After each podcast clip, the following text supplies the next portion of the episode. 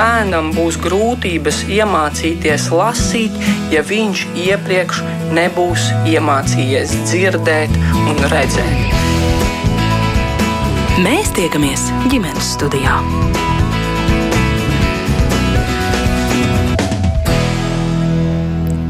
Labdien! Savu skanējumu sāk Latvijas radio viens ģimenes studija. Turpmāko stundu ar jums kopā šeit būs es Agnes Link un arī viss šī redzījuma radošā komanda. Pandēmijas sākumā šur tur bija manāmas tādas ziņas, ka strauji auga interese par mājdzīvnieku adopciju. Ģimenes ir vairāk mājās un uzskata to par labu brīdi, lai piepildītu vai nu pašu vēlmi vai bērnu lūgumus pēc kāda četrkājaina mīluļa. Kāda ir šī aina tagad, gandrīz divus gadus vēlāk, vai tad ģimenēs uzņemtie dzīvnieki ir ieguvuši stabilas mājas un cik bieži un kāpēc tomēr lēmums par dzīvnieku ienākšanu ģimenē ir izrādījies pārsteidzīgs, kā mācīt bērniem rūpes un atbildību par dzīvnieku. Par to visu sarunu šodien ģimenes studijā, kā vienmēr jūs klausītājs, esat aicināti pievienoties ar savu pieredzi, ja jums tāda šajā ziņā ir. Sūtiet ziņas mums ģimenes studijā no Latvijas radio mājaslapas, bet ar mums šodien savās zināšanās un uzskatos un vērojumos par tēmu gatavas dalīties patversmes ulubela vadītāja Ilze Džonsona. Labdien! Labdien! Sveicināti! Jā, labas dienas! Saku arī dzīvnieku aizsardzības biedrības ķepu ķepā vadītājai Gundagai Biderei. Labdien! Un arī rādījuma ķepa uz sirds producentu un žurnālisti Inese Kreitsberga kopā ar mums ģimenes studijā esat sveicināta. Sveicināti, sveicināti! Jā. Es sākšu ar jautājumu laikam Ulubēls un ķepu ķepā pārstāvēm, Kāds ir tas jūsu redzējums par manu radījuma ievadā formulēto jautājumu, vai ir tā, ka pandēmijas laikā ģimenēs ievestie mājdzīvnieki ir iemantojuši tādas stabilas mājas, vai kādi ir arī palikuši bez aprūpētājiem un uh, nonāk pie jums ulubelē vai uh, ķepu ķepā? Kādi jūsu vērojumi? Ilze, sāciet lūdzu jūs. Um. Nu, protams, pandēmija ir uh, ieviesusi ievērojamas korekcijas, un es pat gribētu teikt, cilvēku domāšanā. Un uh, dzīvnieku kontekstā tas, mūsuprāt, ir labi, jo skaitļi saka savu. Piemēram, 20, uh, 20. gadā, pagājušajā gadā, mums bija par 20, 200 adopcijām vairāk nekā iepriekšējā gadā, nu, pirms tam gadā. Un uh, um, Tā kā Ulubelē adopcijai mēs pieejam ļoti nopietni, tiek veltīts laiks, lai intervētu potenciālo ģimeni vai cilvēku.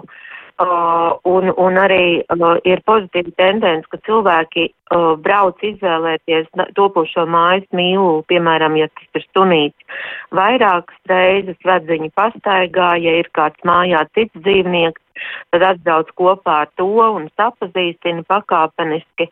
Nu, es neteiktu, ka būtu vērojama tendence, ka tieši pandēmijas laikā uh, adaptētos dzīvniekus uh, ņemtu un vestu masveidā atpakaļ. Tā nav vienmēr arī iepriekšējos gados ir bijušas tādas nepārdomātas vai nevairsmīgas adopcijas, bet, nu, nav tā tendence tāda, ka tagad vairāk vest mājās. Tendence ir tāda, ka cilvēks strādā attālināti, vairāk kopā savās ģimenēs, un kas varbūt jaukāks ģimenē, ja tev ir kāds pūkains mājas mīlulis, kas vienmēr ir priecīgs par tevi un iedod tik daudz pozitīvas emocijas, tā kā nav mums tendence, kā uh, uh, vest atpakaļ daudz un masveidā dzīvnieku. Jā, un kā ir ar to, vai tie dzīvnieki, kas ir iegādāti vai iegūti kaut kur citur, kā arī par viņiem interese pieauga šajā 20. gadā, un varbūt, ka tie ir biežāk pie jums nonākuši?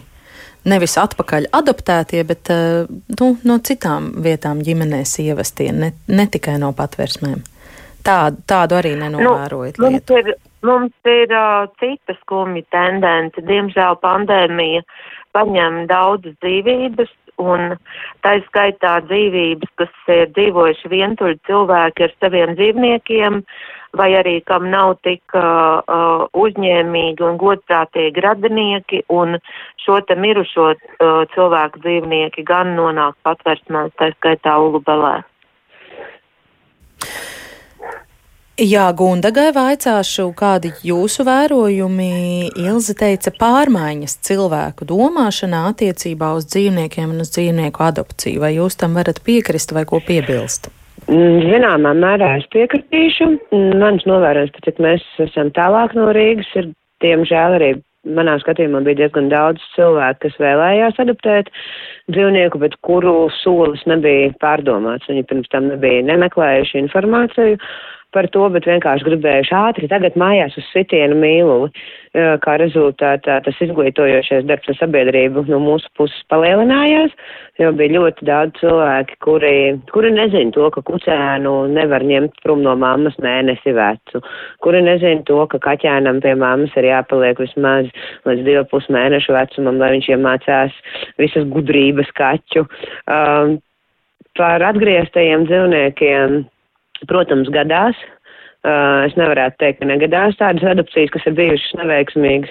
Uh, pagājušā gada griezumā mums šādas adopcijas ir bijušas piecas, kur dzīvnieks viņš ir paņemts mājās, bet cilvēki nav, nu, nav bijuši īsti sagatavojušies tam solim.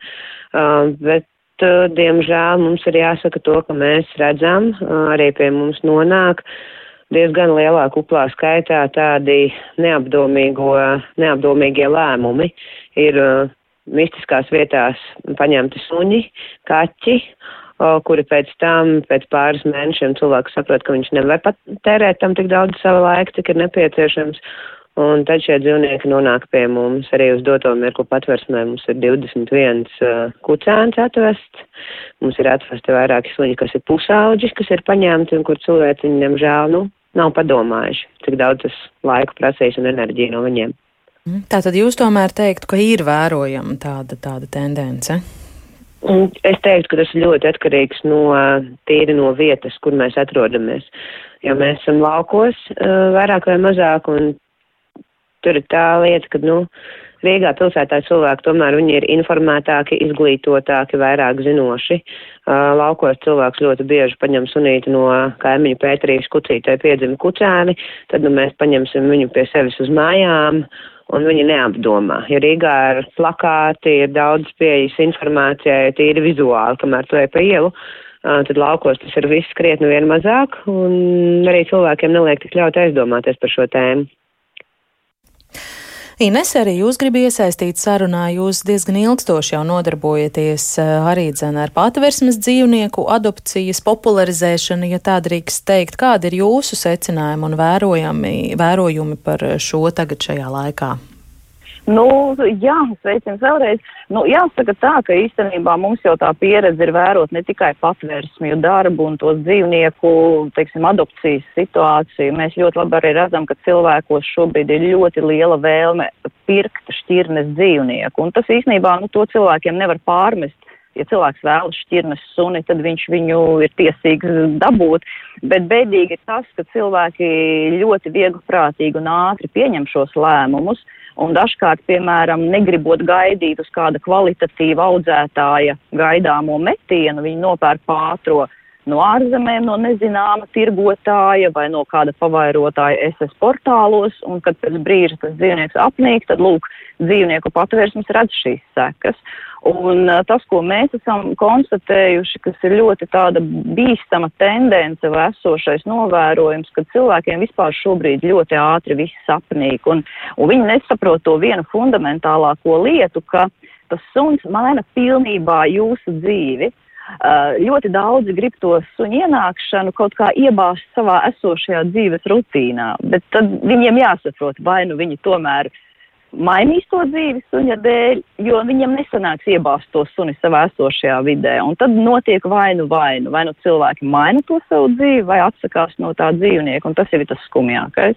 Mm, tas izklausās tā kā bērni. Nu, bērniem var piedot, ka ātri viss uh, apnīk, bet mēs pieaugušie tad mm, jā, arī padodamies tā. tādiem impulsiem tagad, jā? Jā, un tāpēc jau redzat, mēs ar tādu dzīvnieku draugi un daudz arī audzētāji un eksperti, kinologi runājam, ka mūsu bonus vai mūsu tāda uzslave ir tad, ja mēs kādu esam atrunājuši no dzīvnieku iegādes. Tāpēc, ka uh, es uzskatu, ka dzīvnieks, sevišķi suns, tā ir ļoti ekskluzīva, ekskluzīvs, nezinu, nevar to nosaukt par lietu, bet eksklu, ekskluzīva dzīves piedeva, kas nav vajadzīga ikvienam.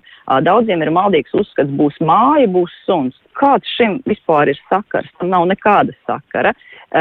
Es uzskatu, ka cilvēkam vajag suni tikai tad, ja savu dzīvi viņš bez tā nevar iedomāties. Ja kādam ģimenē ir šaubas, kaut vai vienam, uh, nevajag šo dzīvnieku ņemt. Tur būs mūžīgie pārmetumi, kāpēc man atkal jāvāc tā peļķe, kāpēc man tik agri jāiet staigāt nu, tur būs problēma, viņa aizvēlsies kā kamols reāls, nu, ar lielām problēmām. Tā kā principā tas ir vai nu ir tiešām cilvēki visi to grib, nu, tas ir ideālais moments, piemēram, satiekās divi cilvēki, nodibina ģimeni, abi gribējuši dzīvnieku, varbūt kādam ir bijusi pieredze jau, nu tagad ir ģimene, varētu tagad tas būt. Bet tas, ka abi grib, bērni jau, nu viņi jau pieņems jebkuru uh, jaunu izmaiņu, bet uz bērniem jau paļauties nevar, ka viņi vadās vai baros, tas jau tomēr ir vecāku galvenā rūpe un pienākums. Kaut gan neskaitāmās ģimenēs ir ļoti pazīstama šī situācija, ka bērni sola zvērs sit pie krūts un ir gatavi gandrīz ar asinīm parakstīties, ka viņi vadās, viņi rūpēsies, bet bērni ir bērni.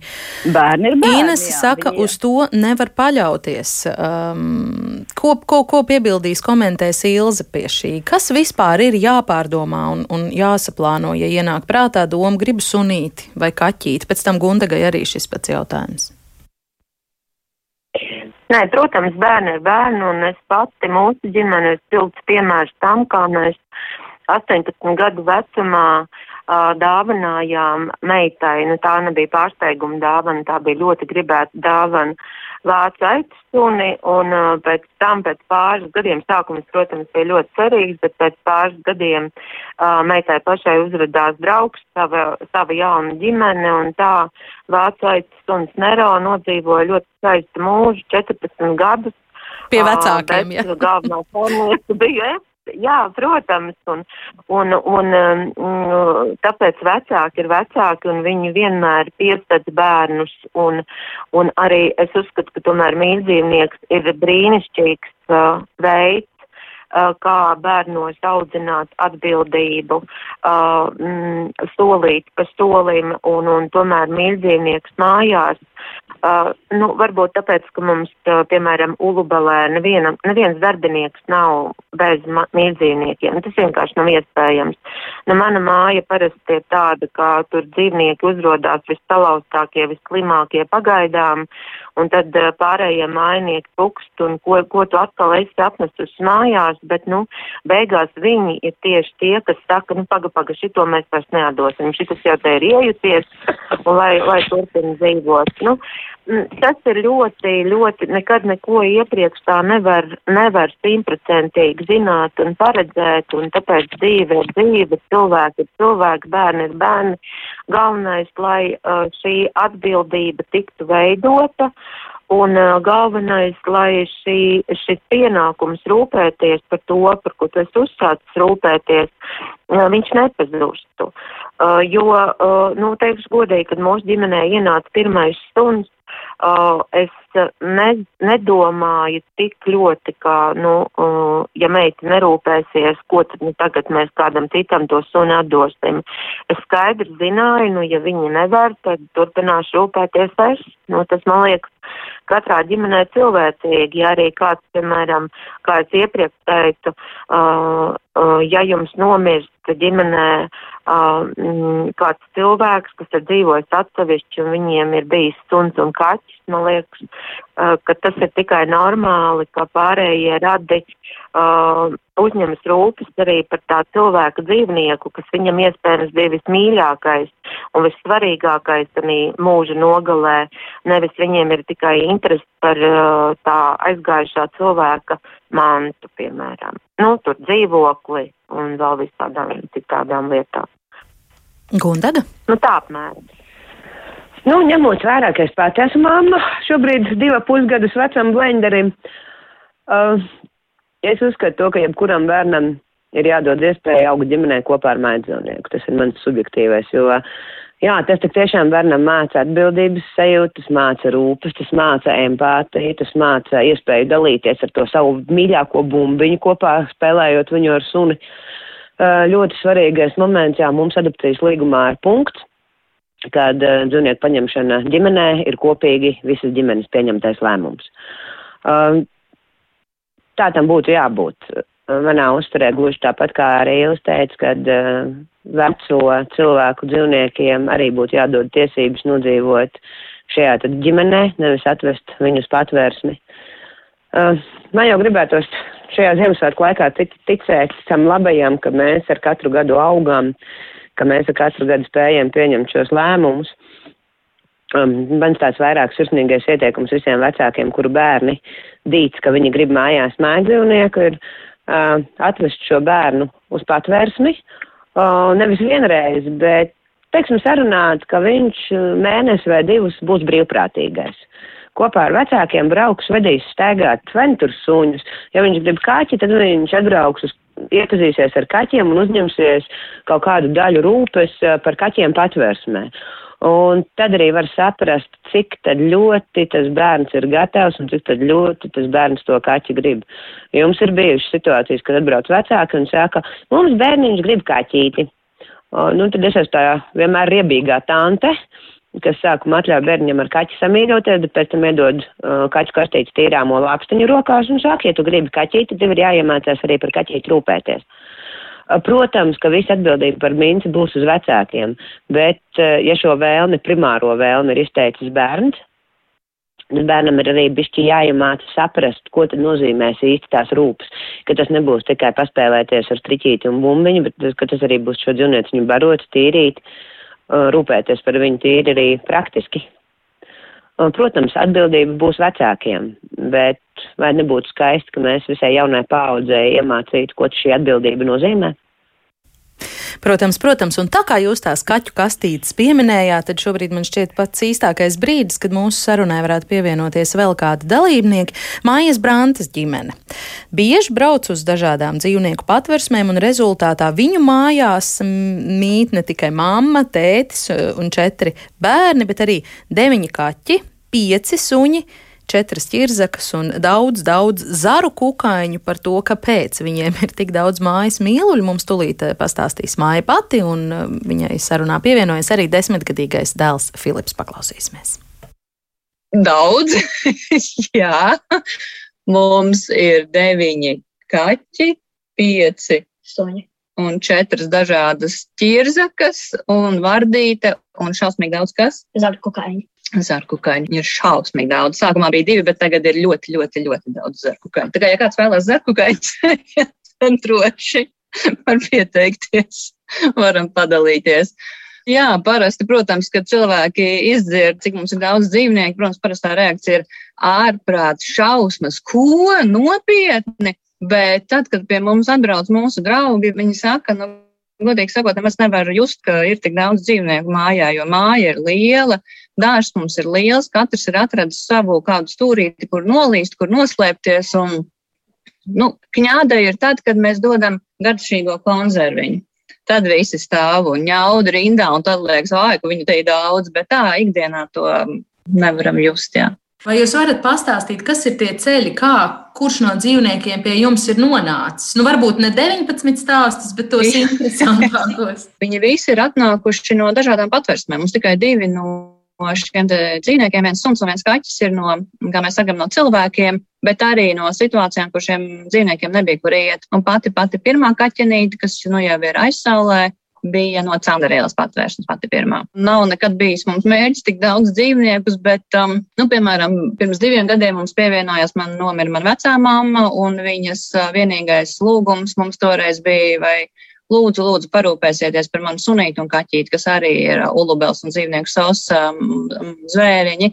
Tagad paši, paši pēdējie mūsu ģimenes jaunpienācēji ir divi mazi rezgaļi no ķepām, kurus mēs pārvedam pēc viņa traģiskā ugunsgrēka mājās. Mēs bijām tur dažas dienas iepriekš, pirms ugunsgrēka bijām tur, bet, diemžēl, tie visi, kas bija tajā mājā, tie, ko mēs iepazinām, tie visi sadega, un tāpēc mēs Gundagai teicām, mēs varam vēst mājās, un šie divi mazuļi bija tie, kuriem visvairāk vajadzēja pie šīs traģēdijas mājas. Viņi bija ļoti sabijušies, bēdīgi, traumēti un tā. Abi brālīši nonāca mūsu mājās. Mazais bija aizmusis pats uz mežu. Savukārt šo gundaļu pati vēl kārā no šīs degošās mājas. Šie mūsu jaunākie. Un tas jau arī nebija ne plānots, ne, ne, ne, ne bija mums septiņas kaķenes, bet tad notika, notika šī traģēdija.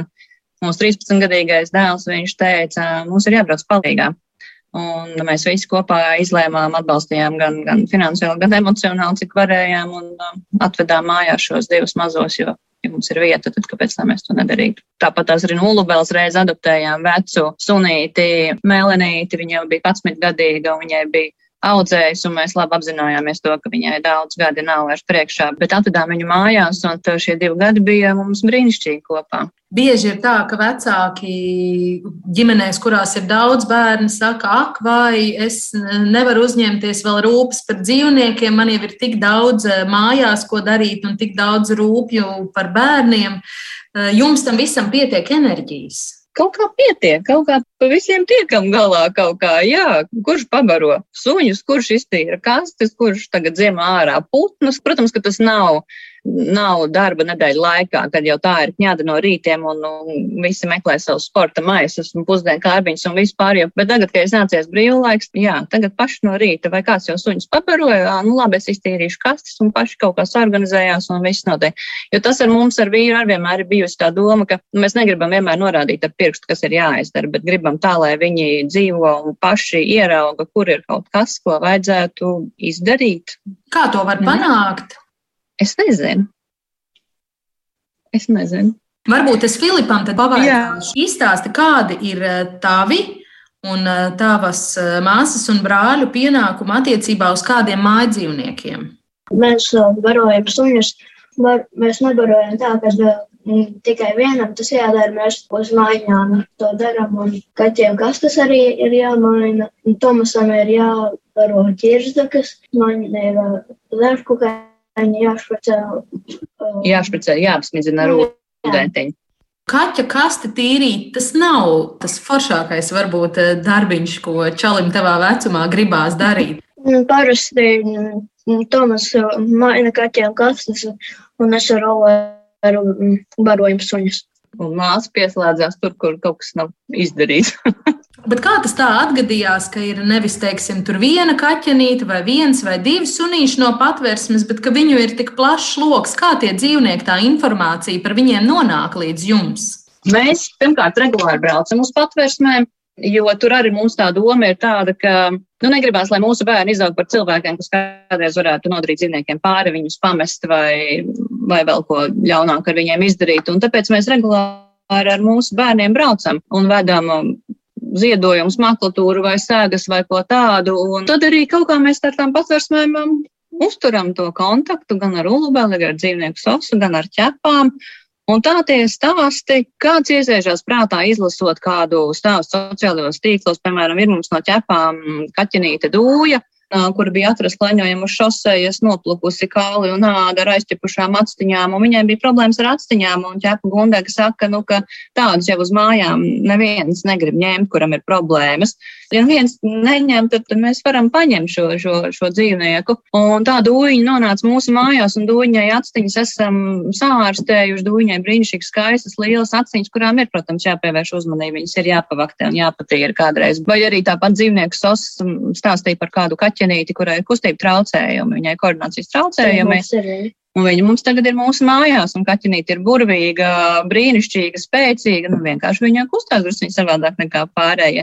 Kā teica mana vecā māma, nu daudz jau jums viņu ir.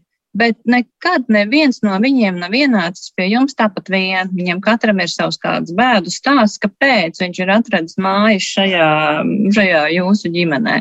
Neviens no viņiem nav perfekts, bet viņi visi kopā pie mums brīnišķīgi sadzīvo. Nekad nav bijis tā, ka kāds uh, netiek pieņemts. Mēs atvedam mājās, viņi pieņem suņu atkošņā, kaķi atkošņā, varbūt pašņāts drusciņi, bet pēc dažām dienām jau ir draugi un visi kopā dzīvojās. Meita toreiz bija tā, kas bija par to lilīti ar kustību traucējumiem. Meita ļoti pārdzīvoja. Viņa teica, nu, man, mums vajag viņu vest mājās. Nu, būsim godīgi, cik daudz grib vest mājās dzīvnieku, kuram ir vai nu kustību traucējumi, vai aizpampušas acis, vai laustas kājas. Nu, negrib, bet uh, es īstenībā viņus abrīnoju tos dzīvniekus, ka viņi, neskatoties, ko cilvēks viņiem ir nodarījis, jo tas jau ir cilvēks, kur dēļ viņš ir nonācis patversmē, ka viņš spēja dāvāt tādu beznosacījumu mīlestību kā, un piedot. Man šķiet, ka mēs varētu ļoti daudz ko no, no viņiem mācīties.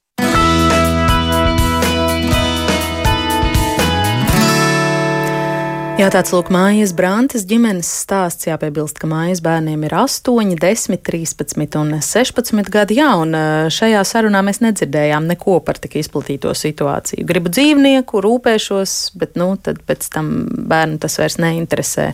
Un tad vecāki ar dusmām un aizkaitinājumu ir spiesti paši secināt, jā, ka par dzīvnieku jārūp, jātur rūpe tikai man.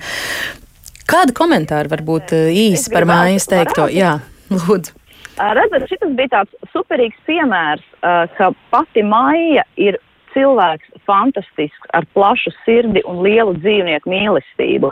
Un šeit ir tas moments, kad neatkarīgi no tā, vai viņai ir, ir ģimene, nebūtu ģimene, cik bērni, viņai tāpat būtu šie daudzie dzīvnieki. Un te ir tas pareizais piemērs, ja cilvēks, kuram šie dzīvnieki ir un viņi patīk, viņam nav tik svarīgi, vai tur bērns iztīra kaķim kasti, vai viņš pats to izdara, tas viss tiek ļoti organiski menedžēts, kā saka, ja? Un šeit ir tas moments, kad cilvēks, kuram ir šī dzīvnieku mīlestība, viņam arī šie dzīvnieki ir un attiecīgi arī bērni mācās daudz ko. Un arī es esmu pārliecināta, ka arī bērniem būs šī pati dzīvnieku mīlestība. Šis ir tas ideālais moments.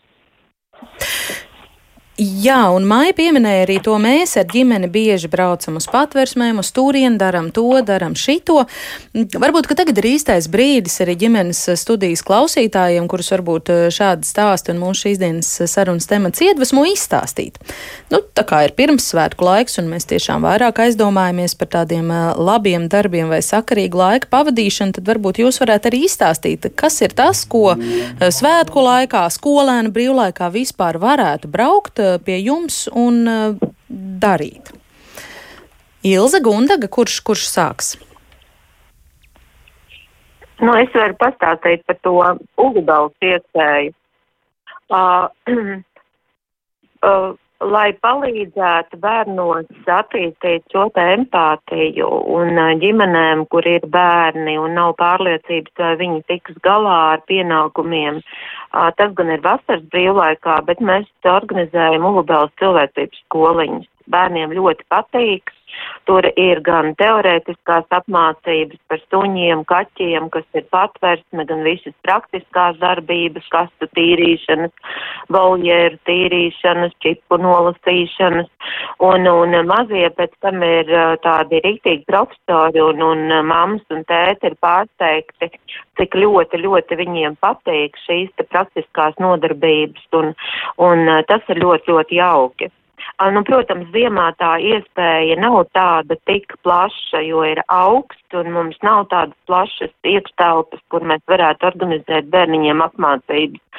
Bet arī ziemā un sliktā laikā ir daudz dažādu darbiņu, ko var darīt. Nu, protams, par pastāvīgu brīvprātīgo uh, var kļūt uh, jaunais cilvēks, kas ir sasniedzis 14 gadu vecumu, bet uh, tie vecāki, kas jau ir Ulubēls brīvprātīgie, droši var braukt pie mums ar bērniem un kopā ar bērniem arī staidzināt suņus. Tie, kam ir apliecība vecākiem, un tie, kam nav, arī ir brīnišķīgi iespēja dažādos veidos palīdzēt un būt kontaktā un saprast, kas ir patvērsni. Piemēram, šobrīd atkal ļoti skaisti sniega, tas ir skaisti, bet uh, patversmē ir vairāk kā simts voljēru vārtiņu, un tēti ar saviem dēliem var braukt palīgā šķūrēt sniegu, atrakt vārtiņus. Ir citādi dažādi darbiņi, mammas ar, ar meitām var palīdzēt šķirot atvestos palagus dvieļus un, un, un vēl citādi sanest ūdeņus, jo, piemēram, uh, ziemā ūdens vadi ir aizsaluši un ūdens ir voljēros jāpienes klāt. Tā kā praktiskās, praktiskās palīdzēšanas iespējas ir ļoti, ļoti daudz un dažādas, un vai tik braukt un, un, un, un nakt palīgāk. Bet eh, kā tur ar tām brīvprātīgo apliecībām jūs vairāk kārt pieminējāt, tas nozīmē, ka tādi mm, pēkšņi lēmumi braukt un padarboties, eh, tas nemaz nebūs iespējams. Nē, nu, sniegu var tīrīt bez brīvprātīgu apliecību. Ir atļauts, mantas var ķirot, protams, protams, uh, tur, kur ir tieši kontakts ar dzīvniekiem, tas tomēr ir svarīgi zināt katras patvērsnes drošības kārtības noteikumus, un, uh, cik mūsu patvērsne ir ļoti liela, mums ir uh, ikdienā 500 dzīvnieku, tomēr ir ļoti, ļoti svarīgi zināt kārtību, un mums vienkārši nav iespējas katram individuāli to izstāstīt, un tāpēc ir uh, tur, kur ir dzīvnieku socializācijas vai pastaigas ar dzīvniekiem, uh, tur, tur mums tomēr ir brīvprātīgo līgumi un, un instruktāža un, un stingra kārtība. Mm. Tas ir arī mm, pašu, pašu cilvēku, bērnu un dzīvnieku drošībai. Jā. Gunda, kā ir pie jums, ķepu ķepā? O, pie mums droši var braukt. Mēs instruktāžu veicam īso uz vietas.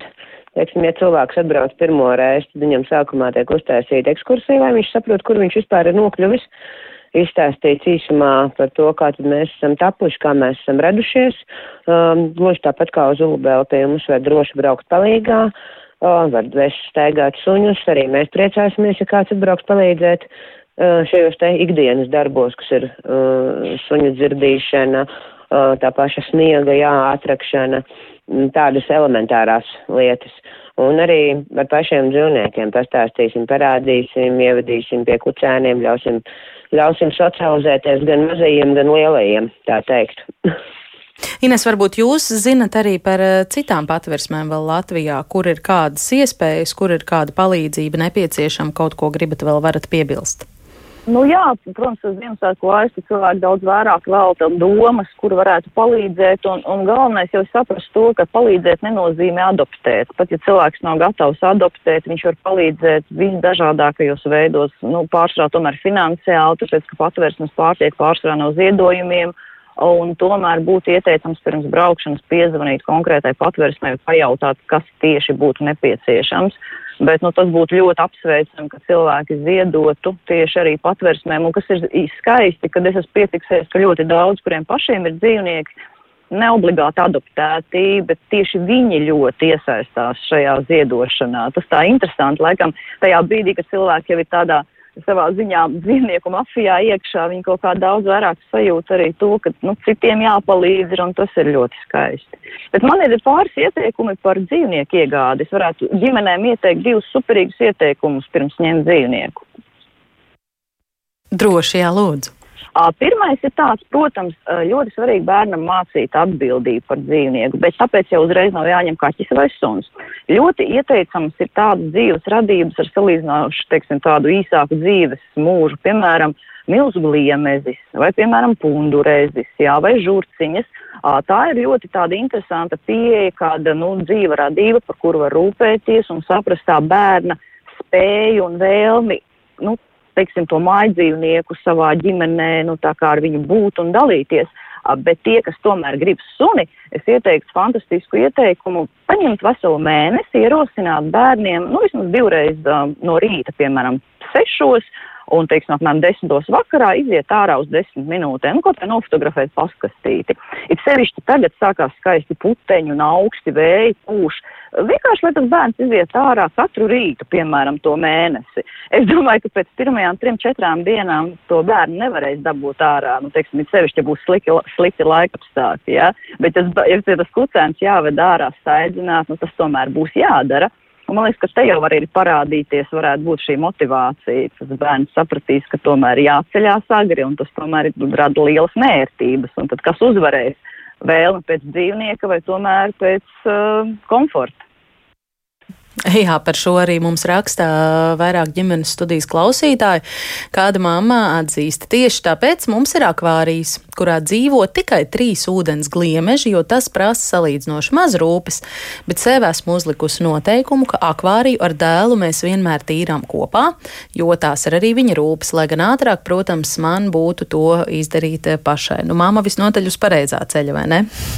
Jā, bet arī tas ir mītus, ko cilvēki dažkārt iekrīt. Es pat esmu piemērs, kas gandrīz paņēma akvāriju, ja, lai maniem kaķiem būtu interesantāk. Tad, kad es sapratu, ko tas tomēr nozīmē tīrīt bieži akvārijas, atteicos no šīs idejas. Un tur ir tā lieta, arī akvārijas prasa ļoti daudz rūpes.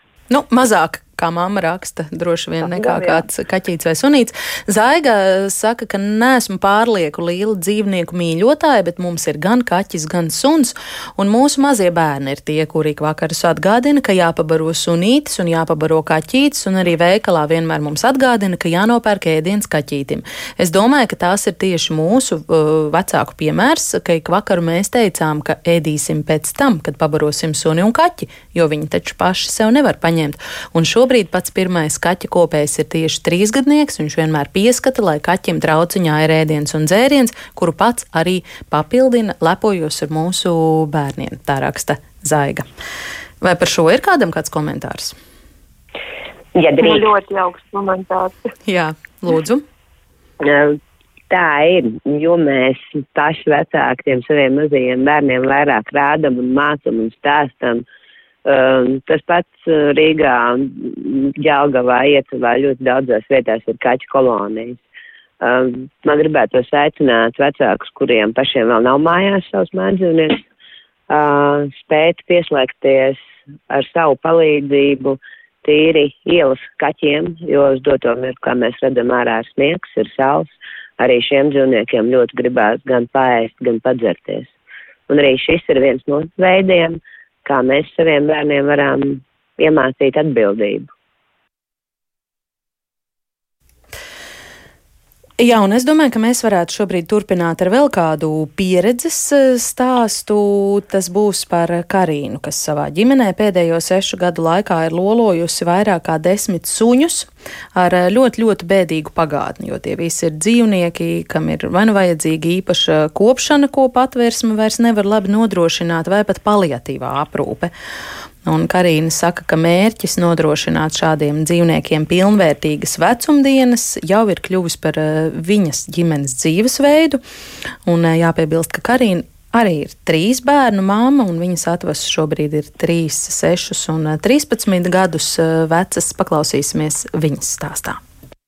Tas mans stāsts ir sācies aptuveni sešus gadus atpakaļ. Es no patvērsnes toreiz paņēmu labradoru kucīti. Viņai toreiz bija seši gadi. Viņai bija izpūši zobi. Un šis iekaisums eh, bija ieturinājies jau ļoti nopietni žoklī. Uh, līdz ar to šis suns savos sešos gados viņai bija jāsver 30 aptuveni kg, bet viņa svēra tikai 18. Protams, eh, skaidrs bija tas, ka viņa nevienam nav bijusi par savu dzīvi vajadzīga. Ja? Viņa, protams, tika paņemta kā kucēns. Tāda izrādījās, ka viņa ir gājusi no rokas rokā. Eh, finālā viņa tika pielikta pie ķēdes. Vairākas reizes kaimiņu uh, suns ir nācis pie viņas, un viņa bija palikusi grūsna.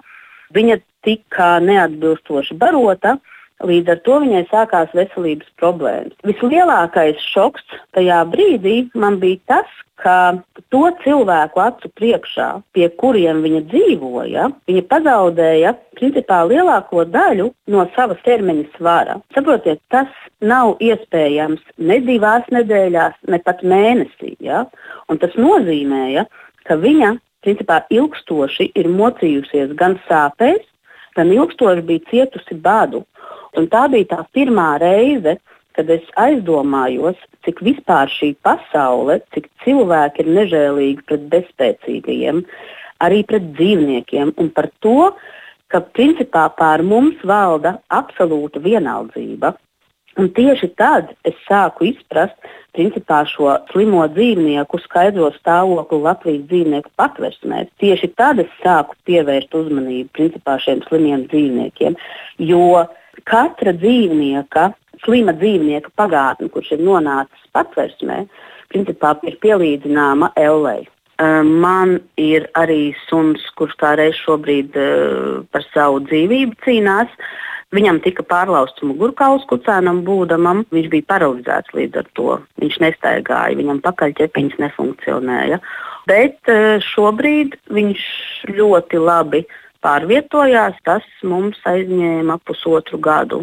Un šajā procesā mēs piedalāmies visi ģimenes locekļi. Principā tas ir mūsu dzīvesveids. Ja?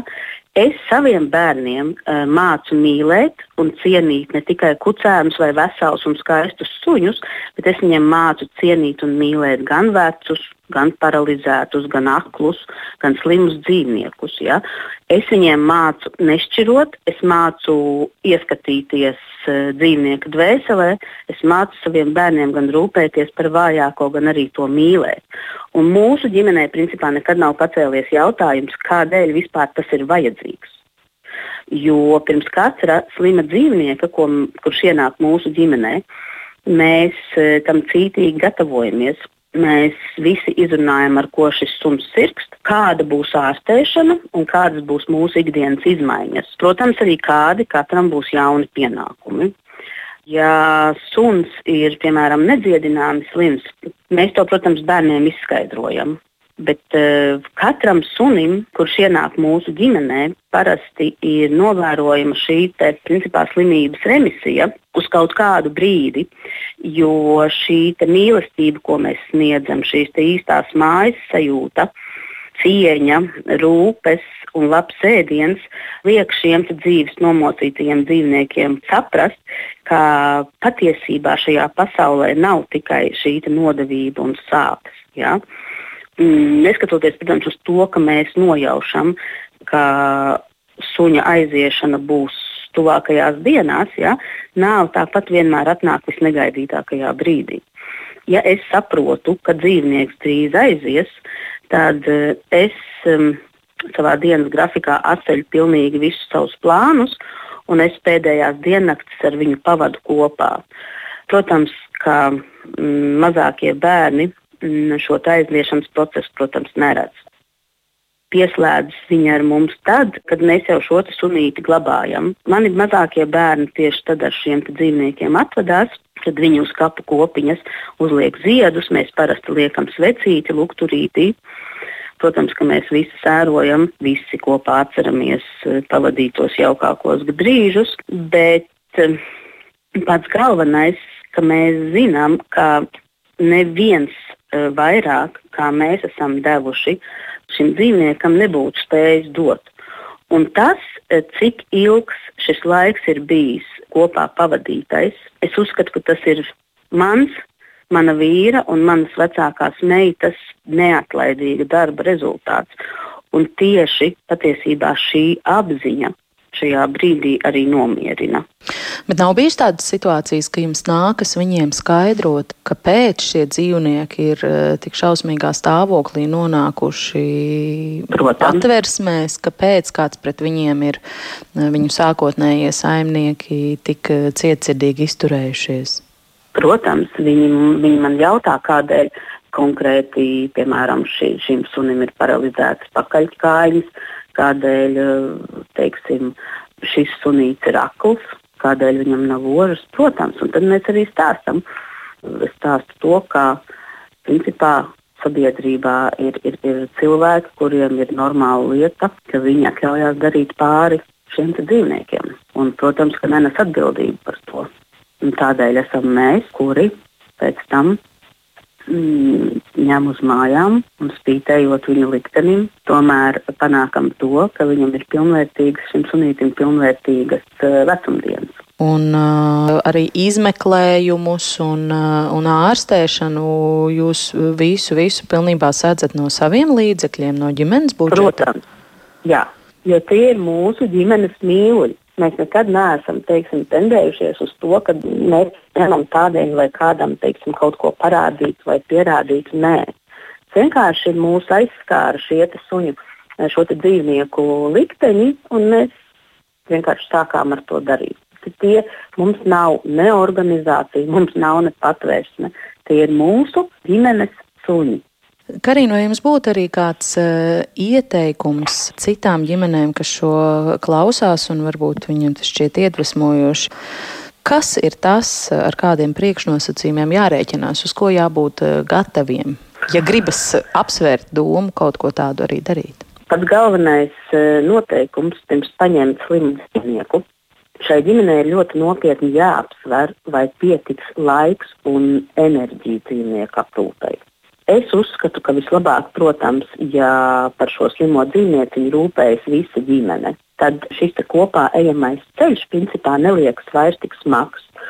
Un šādās situācijās arī ģimene kļūst daudz saliedētāka. Noteikti katram uh, ģimenes loceklim ir jānosaka um, savi pienākumi, pat maziem bērniem. Jo manā mājā mazajiem bērniem viņu pienākumi ir ir uh, viņu sunīšiem dzied, viņu sunīšiem stāsta pasakas un, protams, arī samīļo. Un tas otrs aspekts ir viennozīmīgi nebaidīties. Ir jābūt cilvēcīgiem, principā un uzņēmīgiem, bet pats pats galvenais ir jāmīl šis dzīvnieks. Nav jābaidās par to kopā pavadītā laika ilgumu. Nav jādzīvo raudot, gaidot šī dzīvnieka nāvi. Bet kopā šis pavadītais laiks, kas ir dots, ir jāpavada pilnvērtīgi. Un ticiet man, tas vainagojas ar ļoti lielu gandarījumu. Nav šeit ģimenei jākoncentrējas tikai uz nāvi, jo patiesībā nāve var arī apmest kūleni vai līkumu. Jo man ir suns, kuru es paņēmu nedziedināmu slimu, kuram pēc ārsta teiktā, piemēram, bija palikuši tikai seši mēneši šajā pasaulē. Pēc kārtīgiem izmeklējumiem un noteiktas pareizas ārstēšanas viņš jau pusotru gadu uh, apmierināts bauda savus vecumdienas pie mums. Tas pats pēdējais, varbūt, ko es arī vēlētos pateikt, ka šajā klusajā laikā, kurš ir arī pārdomu laiks pirms Ziemassvētkiem, es aicinu cilvēkus uz brīdi apstāties un padomāt par dzīvības cienīšanu, par mīlestību un par žēlsirdību, ko mēs cilvēki esam spējīgi un varam sniegt nežēlībā cietušiem dzīvniekiem.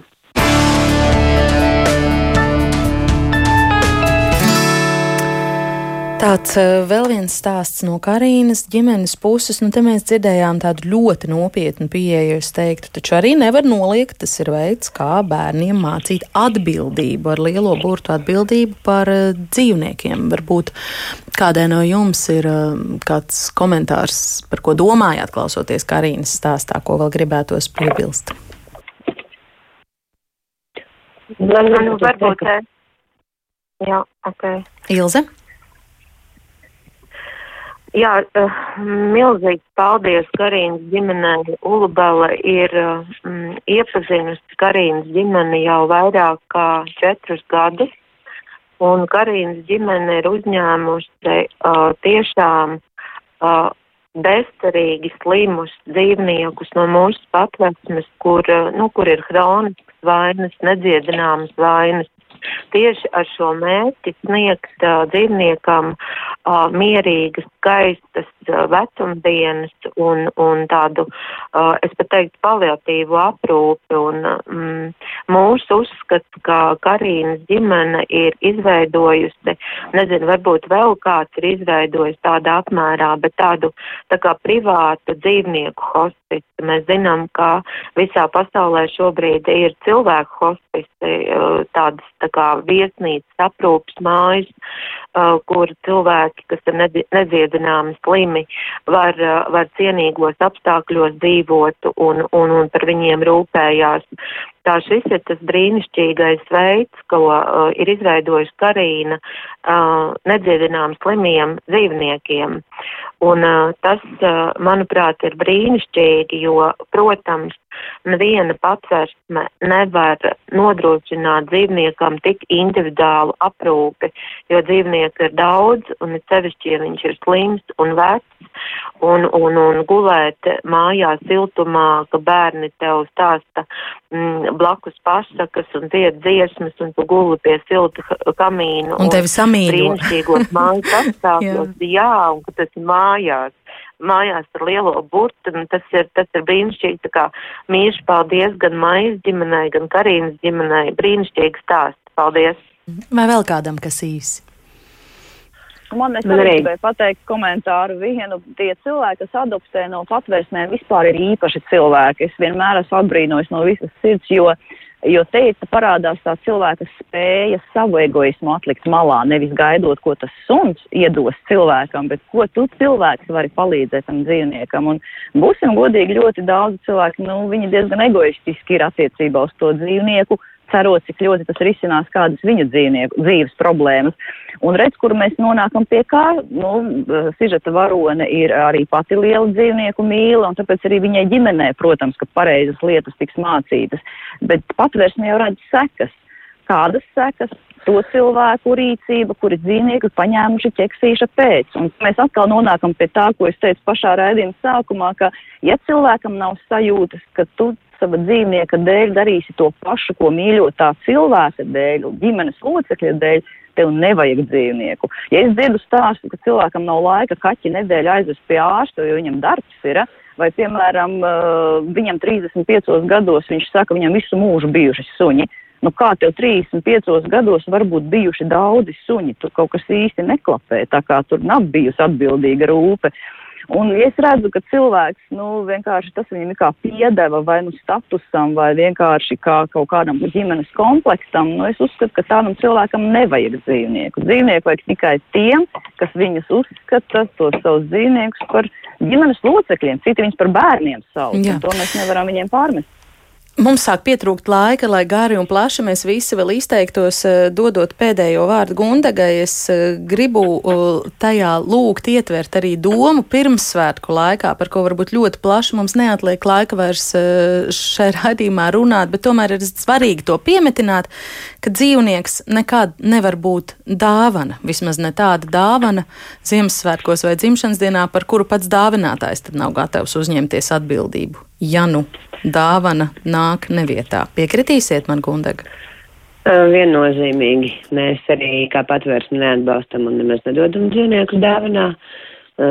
Šim lēmumam ir jānāk no sirds un vislabāko dāvānu mēs gribam, ja cilvēks paņem dzīvnieku, mums viņš pats ir jāatvizina uz kādu no patversmēm un jāļauj viņam pašam saprast un izvēlēties, ko tad viņš vēlas un kas tad viņam būtu piemērotāks. Man ir patiesi prieks dzirdēt šo abu ģimeņu stāstus, jo tas mums tajā spraigajā patversmes ikdienā, kas nav tik skaisti, dod, dod tādu zināmu ticību arī tam, ka ir arī labās lietas, ka ir arī šie skaistie stāsti, ka ir arī šīs te burvīgās ģimenes, kuras ir gatavas un spējīgas sniegt tiešām mīlošas un sirsnīgas mājas. Man gribās teikt paldies visām tām ģimenēm, kas ir atradušas savā mājā un savā sirdī vietu kādam četrkājainam ģimenes loceklim. Paldies! Un paldies no ģimenes studijas arī jums, ka veltījāt savu laiku ar, ar dzīvnieku mīļotājām, glābējām un draugiem patversmes Ulubela vadītāju Ilzi Džonsonu, dzīvnieku aizsardzības biedrības ķepa ķepā vadītāju Gundagu Bideru un radījumu ķepu uz sirds producentu un žurnālistu Ines Kreitsbergu. Šodien ģimenes studijā sarunājos es Agnes Linka, radījumu producēja Ilza Zvaigzne, pie skaņu pults bija Kristaps Eida, un es eh, saku visiem paldies, kas eh, šo klausījās un lika aiz aus. Visu labu un uz sadzirdēšanos!